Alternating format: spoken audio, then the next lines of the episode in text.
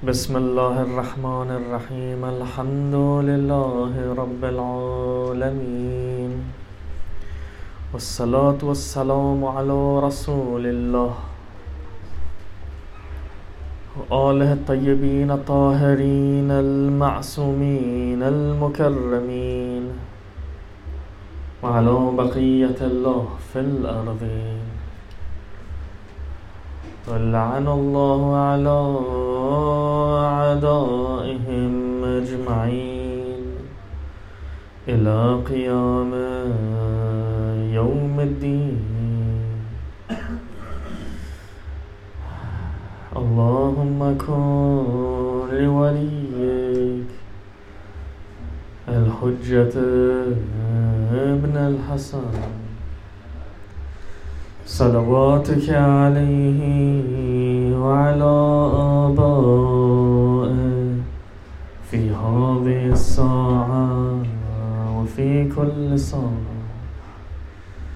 وليا وحافظا وقائدا وناصرا ودليلا وعينا حتى تسكنه أرضك طوعا. وتمتعه فيها طويلا برحمتك يا أرحم الراحمين För Imam Mahdis välgång och snar återkomst, människokans salat. اللهم صل على محمد وآل محمد Hör ni från fjärran öst en avlägsen malakuti-röst. Flaggor, trummor och slag. Änglar förbereder för en svart dag. Vindarna rör sig rastlösa. Molnen känner sig faderlösa. Hjärtan finner ingen tröst. Sorgen bränner alla bröst. Helig mark och oändlig törst. Manifestationen av Gud är störst. Fötter vacklar vänster och höger. Händer gör matam likt två bröder. Månaden Muharram är åter här. Stunden är kommen att åter bli kär. I en hadith al-Qudsi beskriver Gud sig som Kuntu kanzun mahfiyan فأحببت أن أعرف فخلقت الخلق لأعرف Jag var en dold skatt så jag älskade att bli känd. Så jag skapade skapelsen för att lära kännas. Från den här hadisen förstår vi och lär oss åtminstone tre saker. Den första saken är att det som grundar hela skapelsen och initierar den, det är kärlek. För Gud sa det ahbabte, fahbabte. Han sa inte fa'arratta. Alltså jag, inte jag ville, utan jag älskade. Så kärlek var den initieringen av hela universum. Det är punkt nummer ett. Punkt nummer två beskriver syftet med skapelsen. Syftet med skapelsen är ma'rifa, att känna Gud. Att nå en inre kännedom om Gud. Det var därför han älskade att bli känd. Så han skapade. Nu den här marifan, hur den uppnås, är det via utbildning, kunskap, via föreläsningar. Eller var den kommer, var hittar man den, kommer vi senare till. Den tredje punkten som man kan förstå från den här hadisen är att Gud hittas i skapelsen. فَخَلَقْتَ الْخَلْقِ Han ville hittas i skapelsen. Inte isolerat från den, inte på någon annan plats, in, utan inuti den. Temat för våra föreläsningar för dessa tio nätter, eller åtta nätter som vi kommer vara tillsammans. bara fyra ni kommer drabbas med mig. Och resten av de här nätterna till Arbain kommer vara Karbalas hemligheter. Det är så vi har kallat det här temat, Karbalas hemligheter. Och vi kommer prata om olika teman som vi passerar varje, varje år utan att tänka på de saker som är framför oss men som vi inte går djupt inom. För att citera Mowlavi, han säger Naliye ma az Serre ma از ناله ما دور نیست vår hemlighet är inte långt från vår gråt, alltså från vår text, från det vi säger. I de här sakerna i Karbala finns hemligheter. Vi ska försöka öppna de här. Det är vårt tema. Dagens föreläsning är en introduktion till den. Där Gud säger, jag var en dold skatt, så jag ville bli känd. Jag älskar att bli känd. Så Gud hittas i skapelsen. Men skapelsen är stor. De här himlarna, bergen, universum, galaxerna, solsystemet. Var hittar jag Gud? Var finns Gud i hela den här skapelsen? En annan hadith al-Qudsi säger La yas'ani al-ardu wa la samai walakin yas'ani qalb abdi al-mu'min Jorden rymmer mig inte. Himlarna, eller min himmel, rymmer mig inte, men jag ryms i min troende tjänares hjärta. Platsen för Gud, adressen där den här dolda skatten hittas, är inuti dig själv. Inuti ditt hjärta, inom dig själv. Nu är frågan här syskon. Vad är hjärtat för någonting? Vad finns i det här hjärtat? Hjärtat i Koranens termer beskriver hjärtat som en plats där, det, där människan döljer det som är dolt för andra. Inuti dig själv. En beskrivning av domedagen är Yoma Tublel Saraer. Den dagen då insidan kommer ut. Hemligheterna avslöjas. Tublel Saraer. Vad händer på domedagen? Zelzelatu sa'a som domedagen beskriver, som Koranen beskriver. Den där omskakande prövningen som domedagen innebär, den skakar om människan så mycket så att det som är inuti människan kommer ut. Nu är, nu är frågan, om du tar det här hjärtat. Vad är hjärtat? Den samlar på saker. Om du tar det här hjärtat och vänder den upp och ner. Eller om du klyver den och öppnar den. Vad finns inuti det här hjärtat? Vad trillar ut? Vad finns inom mig? Frågan är också, vad är ens jag? Vad är jag för någonting? Vad är nafsul, eller rättare sagt, vad är nafsul amara, den här dominanta jaget? Vad är kärlek till världen som Koranen har fördömt? Och vad leder kärleken till världen till? Dessa frågor som vi vill försöka besvara med kvällens föreläsning.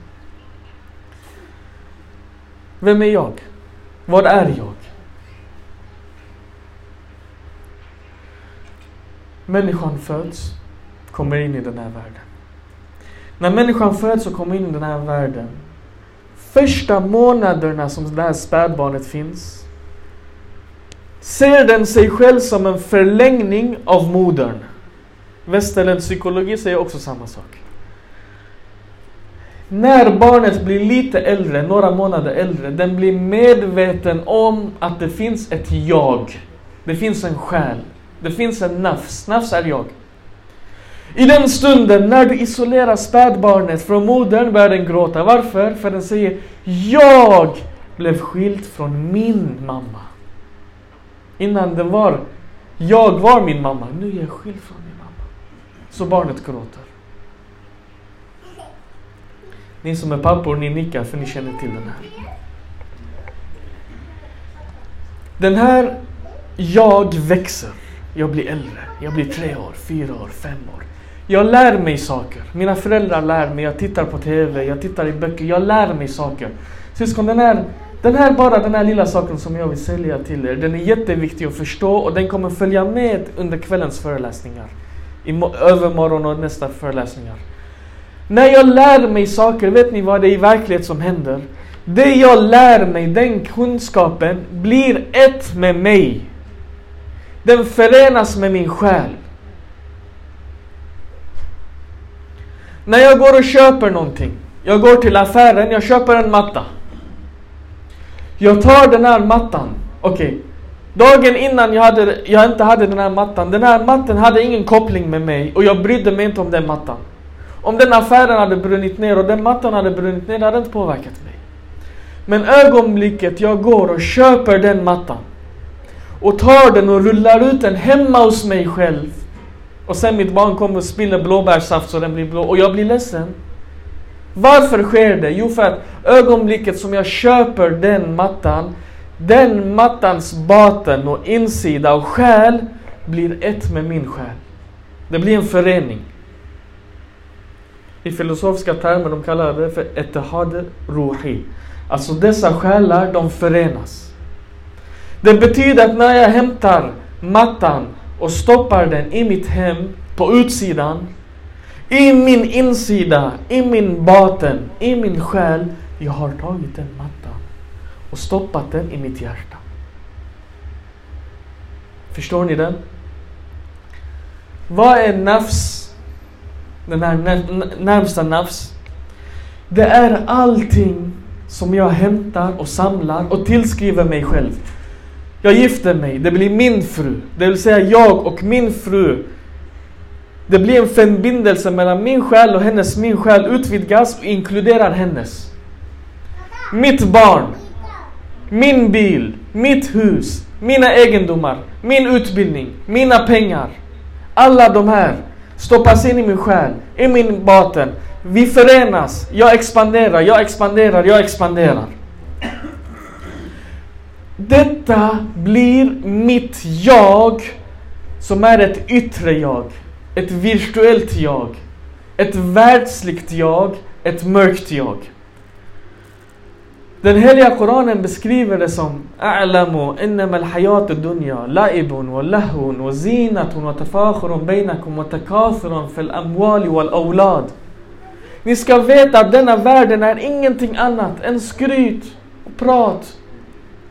Utökande av egendomar, utökande av barn, det är ihåligt. Detta är Koranen. Detta är denna världen. En annan Koranvers säger att قل إن كنتم آباؤكم وأبناؤكم وإخوانكم وأزواجكم وعشيرتكم وأموال Säg om era fäder och era bröder och era söner och era fruar och era egendomar era ägodelar, era hus. Om alla dessa är mer älskade av er än Allah, wa Rasul och Jihad fi sabili. Om alla dessa är mer älskade av er än de här. Koranen säger Wallahu la yahdi al-qawm al-fasiqin. Gud kommer inte vägleda er. Dessa blir en korruption, en fisk. Alla dessa som vi nämnde, du samlar på dig, du samlar, du samlar, du samlar. Även om det är din egen pappa, din egen mamma, dina egna barn. Alla dessa samlas och blir en del av ditt inre. Vad sker? Det blir som en mörk svart slöja. Kolla på de här väggarna. Ser ni de här mörka väggarna? De har mörka gardiner på sig, mörka tyger. Bakom dem är vita väggar. Men på dem är svarta tyger. Ni ser inte den vita väggen, ni ser den svarta tygen ovanför. Ni ser inte igenom den. Ju mer ni samlar på er, ju tjockare blir de här lagren. Vad händer till sist? Koranen säger i Surah Mutafafin Kalla berrana ala qulubihim ma kanu yaksibun yaksibun Kalla innahum an rabbihim yawma idhin la mahjubun Nej deras hjärtan, deras kalb. Allting de tjänar Yaksibun. De samlar, de samlar, de samlar. Det blir som röst, rost och mörker och svarta. Text och text och text. Tills på domedagen Kalla innan rabbihim, de är beslöjade mahjubu, från sina herre. De kommer inför sin herre täckta, beslöjade. Från vad? Från de sakerna som jag har samlat på mig inom mig själv.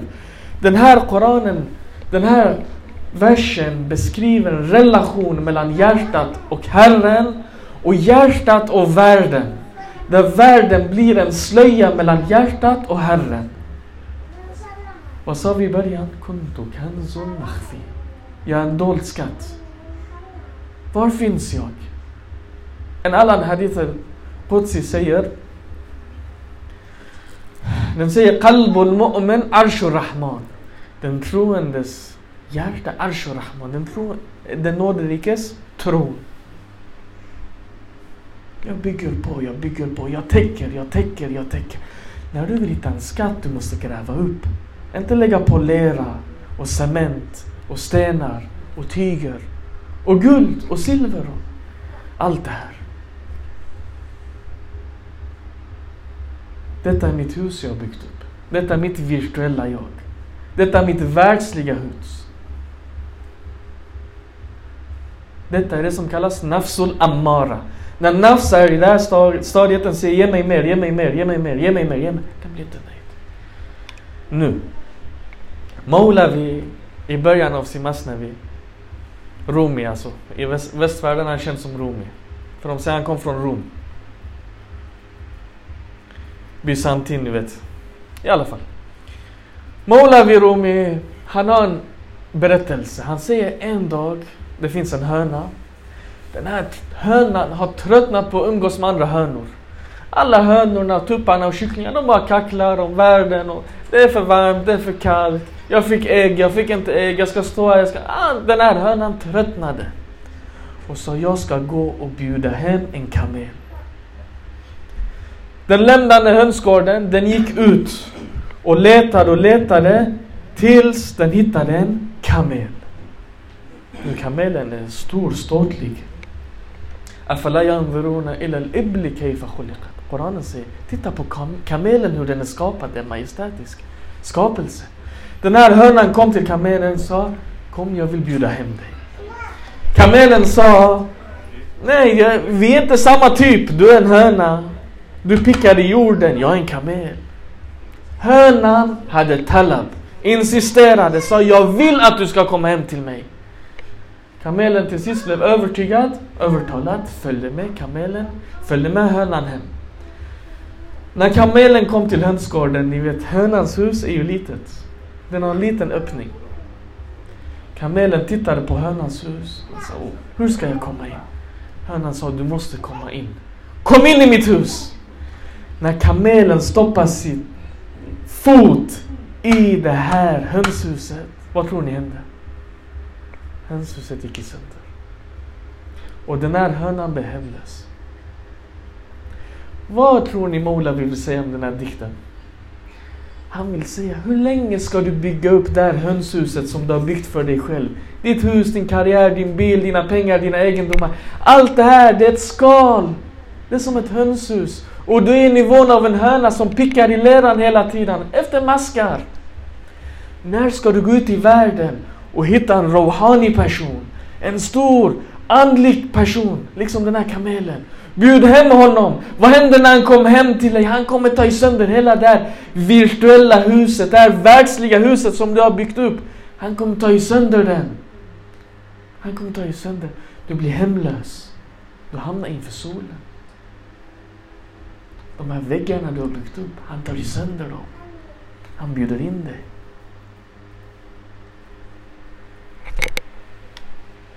Är jag en höna, är jag en kamel? Leta efter kameler eller leta efter hönor? Vad kacklar jag när jag umgås med andra? Det var en person 21 Dhul Han hade varit i Hajj.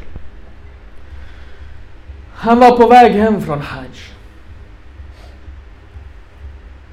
Han hade hört att Imam Hussein också har lämnat Mecka. Varje plats Imam Hussein slog läger, den här personen slog läger lite längre bort. Han var nöjd med världen. att kackla med andra som honom om världen. Ibland en höna letar efter en kamel och insisterar på att kamelen ska komma.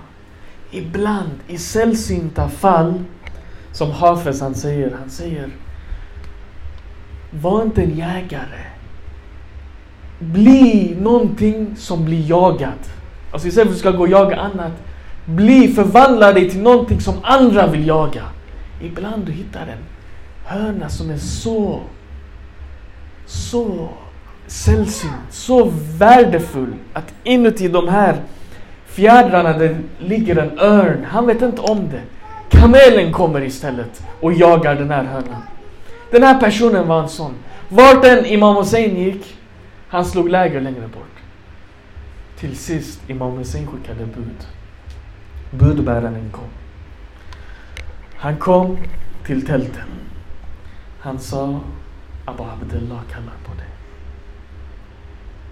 Den här mannen, han böjde sig. Han svarade ingenting. Hans fru sa, ska du låta profetens son kalla på dig och vänta på dig och du sitter här bland oss tyst. Res dig upp. Gå! Ibland det behövs en puttning i rätt riktning. Den här mannen reste sig upp. Maktal säger att han gick till Imam Hussein. Hans namn var Zuhair ibn Qayn. Maktal säger inte vad som hände i det här mötet mellan de två. Vi vet inte. Två, tre minuter. Vad vi vet är att Zuhair lät den här Imam Hussein träda in i hans hjärta. Förstöra det här världsliga huset som han har byggt. Ta i sönder honom helt och hållet. Hjärtat, människans hjärta, till skillnad från hönshuset. Okej, okay, inträdandet och ingången är trång. När något stort kommer ut, in, den tar sönder ingången. Men insidan är oändlig. La yas'ani ardi, wa la samai, walakin yas'ani qalbi abdel mu'min. Om den rymmer Gud. Det här hjärtat rymmer Imam Hussein, även om dörren är liten. Vad vi vet är att Zohair ibn Qayn gick till det här mötet, han var ledsen, ledsen. När han kom ut, kom tillbaka till tältet, han var glad, han var lycklig. När Rumi säger att Serremaz nalema nist, vår hemlighet är inte långt bort från vår det vi säger. Zuhair säger en mening, ni har hört den här meningen, men Allahu Akbar vad djupt den här meningen är. Zuhair säger exakt det vi pratar om. Man maskerar orden. Han kommer tillbaka. Han säger eh, han säger inni qad watantu nafsi ala al-maut ma al-Hussein. Inni qad watantu nafsi. Vad betyder det här? Om vi ska översätta den enkelt, den betyder jag har förberett min själ för döden med Imam Hussein. Men vilket ord använder han? Han säger inni qad watantu. Watantu kommer från watan. Watan betyder hemland, hem, hus. Vad är det han säger? Han säger jag i mötet med Imam Hussein. Jag bodde i mitt hönshus. Jag öppnade dörren, jag lät Imam Hussein komma in. När Imam Hussein kom in, han förstörde mitt hus. Mitt nya hem. Mitt nya hemland. Mitt nya hus. Mot Mal Hussein. Döden tillsammans med Hussein. Detta är mitt nya hem. Inni qad watantu. Så vackert det är syskon. Hela meningen med livet syskon.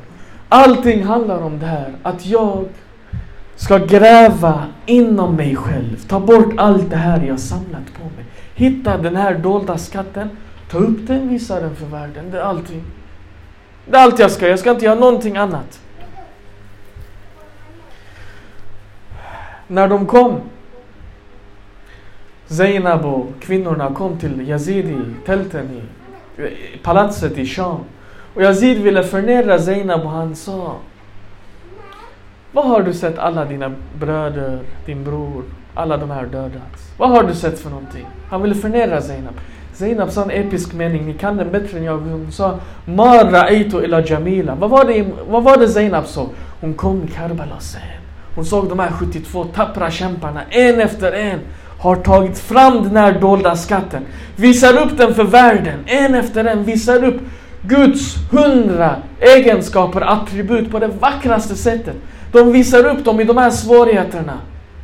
Var det någonting annat än vackert som hon såg i den här scenen, på den här platsen? Syskon, Gud har placerat inom oss både hemligheten, alltså själva skatten, och vägen till hemligheten. Den heliga Koranen säger Wa auha rabbuka ila en attakhidha min al-jibali buyuta wa min al-shajar. Gud har gjort wahi, wahi, oha, wahi, uppenbarelse till biet. Hur det här biet ska bygga sitt hus i berget och i träden. Gud har uppenbarat för biet hur den ska bygga hus, hur den ska pollinera hur den ska producera honung. Varför? För att biets Jesmani Kamal, kroppsliga perfektion ligger i det här. Den är inneboende. När ett bi föds, den går inte förskolan, den går inte skolan, den går inte universitet. Den har inget diplom. Den, den har ingen utbildning. Den vet från sig själv vad den ska göra. För att den ma'arifan Gud har uppenbarat, wahi, och den ma'rifan som biet behöver finns inom den själv. Djupt inom den, vet om den när den föds. Hur den ska bygga sitt hus. För dess högsta kamal och perfektion ligger i byggandet av det här bisamhället. Inte bara biet. Myran, lejonet, kon, lammet, alla djuren har uppenbarats för dem vad deras perfektion ligger i.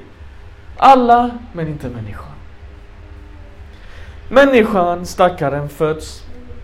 Koranen säger själv Wallahu yakhrujakum min botoni ummahatikum la ta'lamuna shay'a. Ni kom ut ur era, Gud tog ut er ur era mödrars magar utan att ni vet någonting.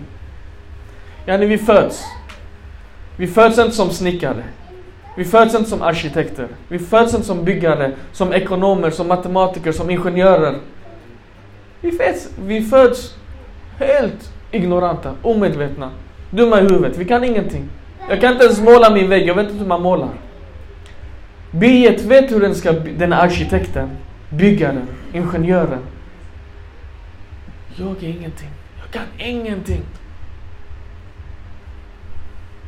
Men Gud har uppenbarat någonting annat för mig. Gud har inte uppenbarat min Jesmani Kamal. Den jag måste gå och lära mig Skolan, akademin, utbilda mig, lära mig. Gud har lärt mig en annan sak. Gud har lärt mig hur jag ska uppnå min Rouhani Kamal. Min andliga perfektion. ونفسا وما سواها فألهمها فجورها وتقواها vid nafs, vid själen och hur den är formad. Fa'alhamaha, Gud har inspirerat, stoppat in i den här själen det som är bra och det som är dåligt. Det som är fult och det som är vackert. Det som är fujur och det som är taqwa. Gud har stoppat in i den här. Gud har en inneboende ma'rifa om vad som är rätt och fel. Om så är fallet Och vad är syftet med religionen? Vad är religionens roll? Vad behöver vi religionen till? Människan har ma'rifa inom sig. Människan, alla har den här. Men den behöver en hjälp. Religionen, om du tar den här insidan, den här vägledande rösten som du har i dig, om du tar ut den och lägger den och tolkar den, detta blir religionen. Religionen är i skriftlig form den rösten som finns inom dig själv. Så enkelt är det. Varför behövs den? Den behövs för att människan, okej, okay, själ första gången, andra gången, tredje, fjärde, femte. Hur många gånger ska själen protestera? Efter fem, sex gånger själen slutar protestera. Då behövs en religion som svart på vitt säger, du ska inte stjäla. Det står svart på vitt. Religionen är till för att kontrollera människan och stärka den där rösten som finns på insidan som människan glömmer bort med sin försummelse och sina överträdanden. Imam Hussein själv säger Varför kom jag? Han säger Allahumma Du vet att jag inte kommit hit varken för världslig glamour eller för makt. Jag har kommit hit för bara en sak. Och det är att lära folket religionens vägar. Och att reformera ditt land. Det är allting. Ingenting mer än så. Det finns ingenting annat. Imam Hussein vill återuppliva religionen. Vad det han vill göra. Men här uppstår en fråga syskon. Om Imam Hussein kom för att återuppliva religionen. Var det inte religiösa som dödade Imam Hussein? Var det inte troende muslimer som dödade Imam Hussein? Som syftet är att återuppliva religionen. Vad hände med den här då? Vad, hur, om religionen ska förstärka människans vägledning, hur misslyckas den här? Svaret på den frågan är att ja, du har en inre röst. Du har en dold skatt, nummer ett. Religionens roll är att förstärka den och lägga den framför dig som en bok nummer två. Men du behöver en sak till.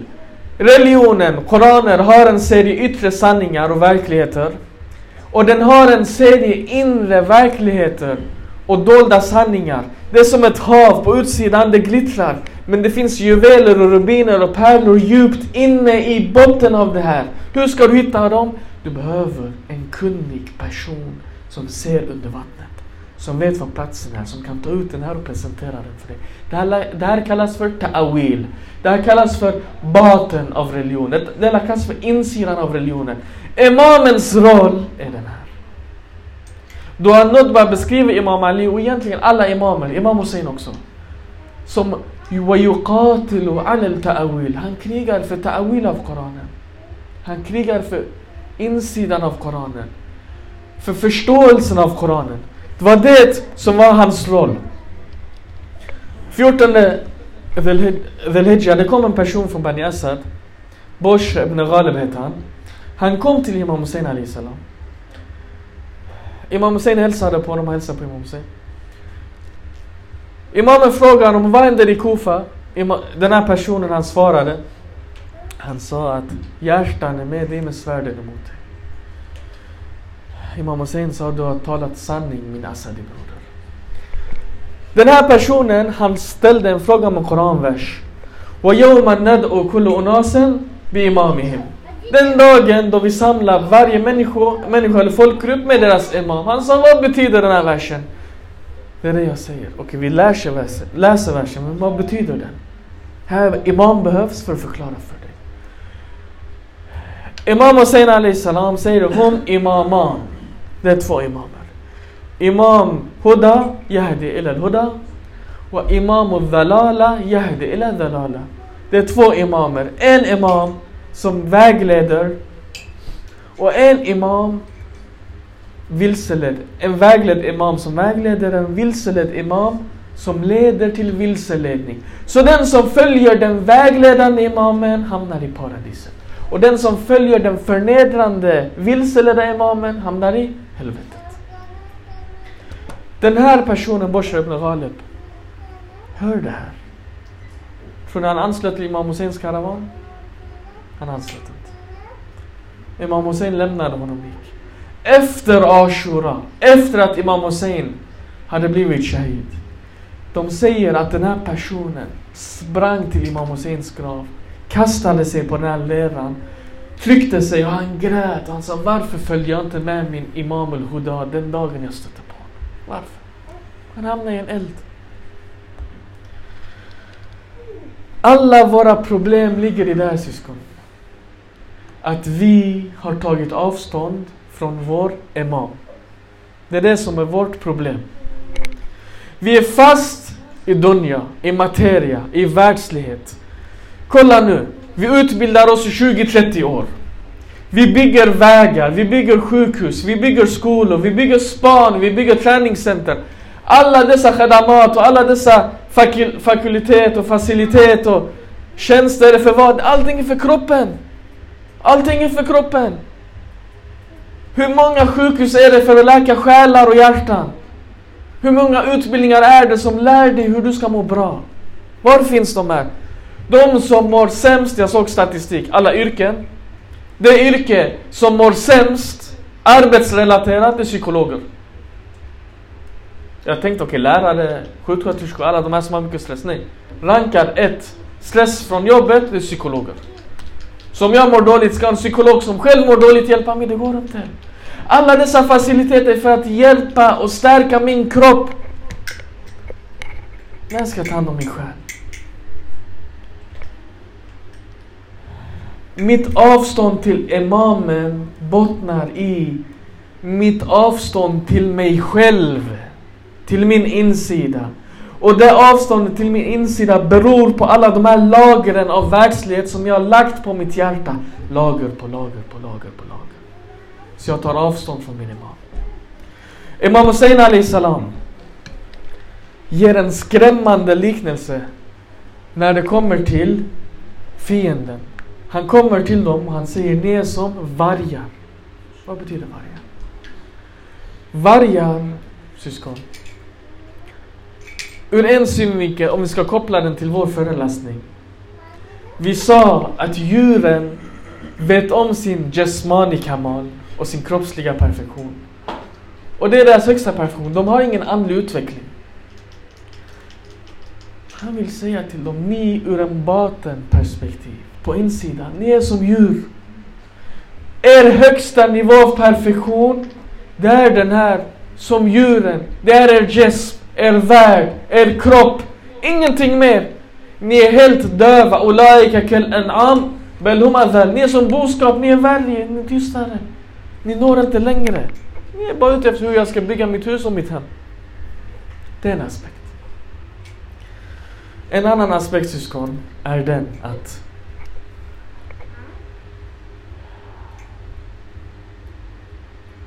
Har ni sett på när en varg Jag såg en dokumentär en gång. Det var en fårherde. Han hade sin flock med lamm och så visade de hur ett pack vargar hade angripit hans flock. Det var slakterisyskon. Det var tre, fyra vargar. Var och en av dem hade kommit. En hade rivit upp ett får, låg på ena sidan. En hade blivit av med benet, en hade blivit av med huvudet. En låg med inälvorna ute. Det var en blodbad. 20, 30, 40 får hade blivit slaktade av de här tre, fyra vargarna. Det räckte med ett får de kunde äta det gott. Som lejonen de kommer, de tar en gasell och äter den tillsammans. Men vargar är inte så här, de slaktar allting runt omkring sig. Imam Hussein när han kom, när han säger till fienden, ni är som vargar. Han ville säga att ni som är barbarer, ni kommer. Gång på gång han sa till sin ashab, han sa de är ute efter mig, gå ni. De stannade. De här vargarna angrep inte bara Imam Hussein. De, när Imam Hussein föll, de angrep tälten. De angrep tälten. När de brände ner tälten, de angrep barnen. När de drog av örhängena från barnens öron, de angrep till och med Imam Sajjad som är sjuk, som är på den här madrassen, de drar undan madrassen under honom. Dessa typer av vargar som de hade. De hade sånt avstånd till Imam Hussein. Från vad? Från världen. Tro inte att de kom dit, de hade fått löften om hundratusentals eh, dirham och dinar. De kom, vissa kom enkla saker, vissa fick inte ens betalt. Vissa kom med, med Vissa kom med käppar, vissa kom med stenar, vissa kom med... De kom med vad de hade. Av deras avstånd till imamen. Tänk er att de kommer till Karbalas mark inför sin imam och de känner ingenting. De reagerar inte. Den här heliga marken som är så speciell syskon. När man kollar i Tarikh och historien. Adam, när han kom ner på världen. Han separerades från sin älskade Hawa. Han var jättesorgsen från den där när han ätit från trädet. Han promenerade, han promenerade. Han kom till en plats, han drabbades av en extrem sorg. Han sa, Ja Allah, har jag syndat? Varför känner jag en sån sorg som jag inte har känt sedan jag åt från trädet? Jebrail kom, han sa du har inte syndat. Utan du har lagt din fot i Karbala. Han sa vad är det här för plats? Han sa detta är platsen där ditt barnbarn, där din ättling Hussein faller och dödas. Adam sa, vem är hans fiender? Vem är det som dödar? Han sa de värsta som finns i himlarna och jorden. Adam sa, vad ska man göra? Jibrail sa, jag lana på dem. Nabi Adam gjorde, förbannade Imam Husseins mördare fyra gånger. Nabi Nuh satte sig i båten, i arken. Arken rörde sig, det blev storm. Regnet, Guds adab forsade ner. Vinden kastade arken åt höger och vänster. De kom till en plats, arken rörde inte på sig. Nabi Nuh, han roterade seglet. Den här arken rörde inte på sig. Han sa, Ja Allah, vad är det för här plats? Det är storm med min ark, rör inte på sig. Rösten kom. Denna platsen är platsen, du är ovanför Karbala just nu. Nabi Nuh gjorde lana på Imam Husseins mördare fyra gånger. På det här sättet syskon, i Tarikh det finns till exempel Nabi Ibrahim salam. Nabi Ibrahim satte sig på hästen. Han red, han var ute på en resa. När han kom till Karbalas mark, hans häst saktade ner. Den promenerade, promenerade, promenerade, promenerade. Tills den kom till Qatlegah. Qatlegah är den platsen där Imam Hussein faller. Hästen kastade av Imam, kastade av Ibrahim. Ibrahim föll, blev blodig, sårades. Han sa, Ja Allah, vad är det för brott jag har gjort som min häst behandlar mig på det här sättet? Den tar mig till den här platsen och kastar ner mig på de här stenarna. Hösten kom, det här är platsen där ditt barn, den sista tidens profets son, faller på den här platsen och blöder liksom du blöder. Vi vill att du skulle dela ett sår med honom på den här platsen. Nabi, Adam, Nabi Musa salam. Han går med sin familj, han har ännu inte blivit profet. Han ser elden, han säger jag ska gå och hämta en eld. Han kommer, Koranen säger Wakhlan alaik innaka bawad al-muqaddas. Du är i den heliga dalen Tawa. Ta av dina sandaler och kom in. Samma Nabi Musa, jag har inte sett någon annanstans där Nabi Musa tar av sina sandaler eller blir av med sina sandaler utom en enda plats. Nabi Musa promenerade med Yeshua, med sin wasi. De promenerade, de var på en vandring. Han var på många resor. Han kom till en plats, hans sandaler gick sönder. Han råkade trampa på två, tre taggar. Hans fötter blev blodiga. Han sa, Ja Allah, vad är det här för plats? Uppenbarelsen kom. Denna platsen är den platsen där Hussein ibn Ali kommer falla. Och vi ville att du skulle spilla blod liksom Imam Hussein spiller blod. Ta av dina sandaler. Belwad al-muqaddas i Karbala.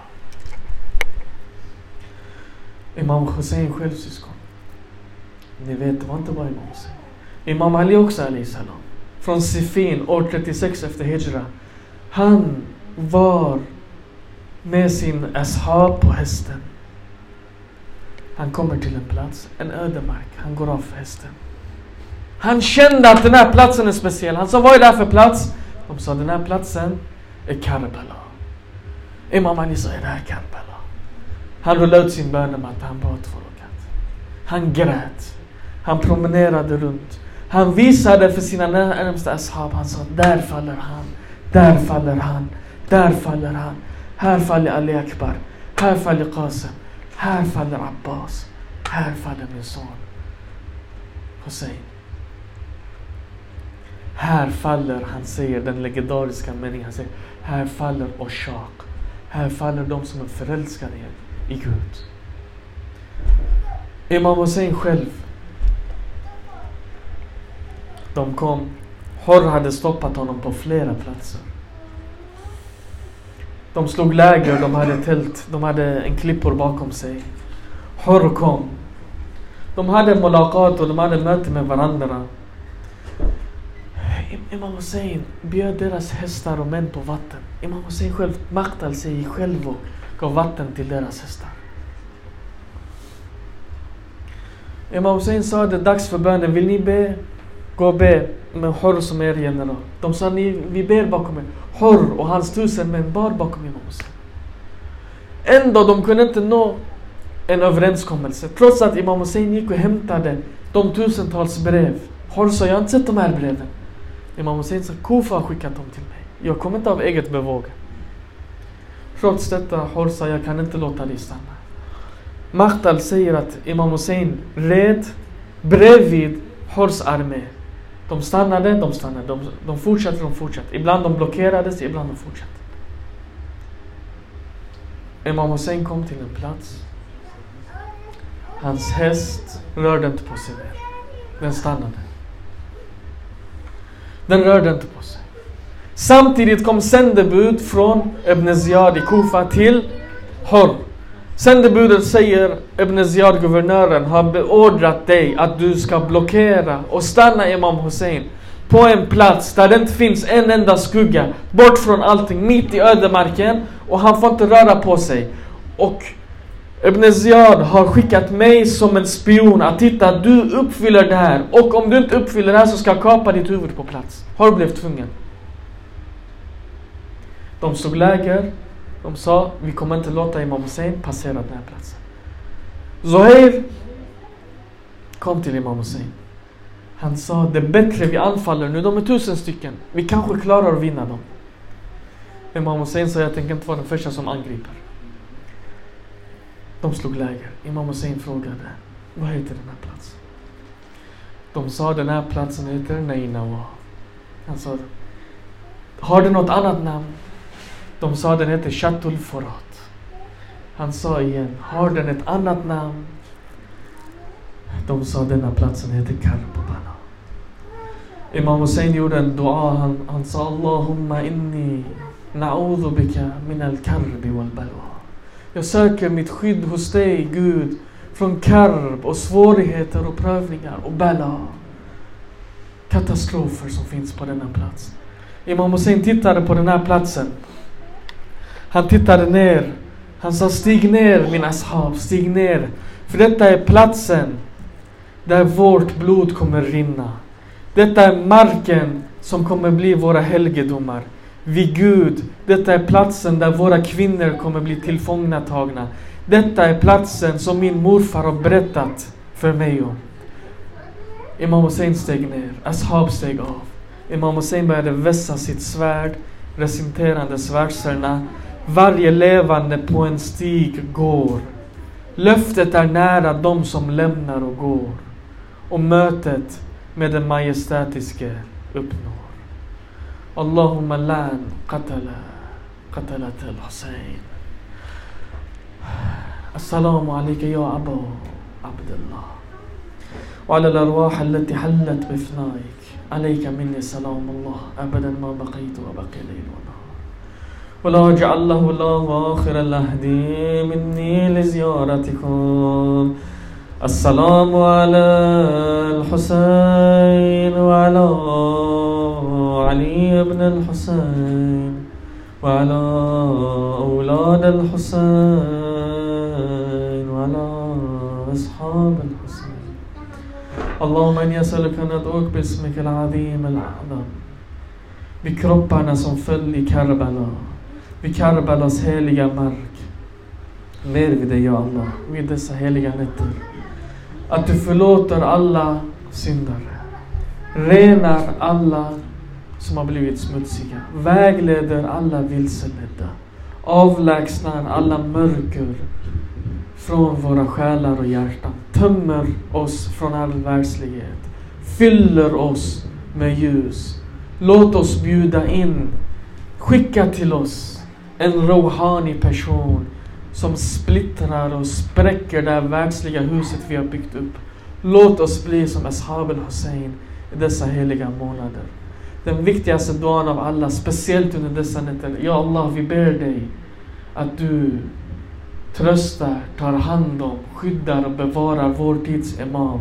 Vars sår, vars hjärta är, är sårat under dessa nätter. Som han själv säger, jag gråter blod för min Jad, Abu Abdullah. Ta hand om honom, skydda honom. Låt oss bli som balsam för honom, inte som, inte som pilar i hans väg. Låt oss bli skydd i hans väg, som kämpar som ambassadörer. اللهم أجل لي وليك الفرج والحمد لله رب العالمين والسلام عليكم ورحمة الله وبركاته اللهم صل على محمد وآل محمد Om det finns några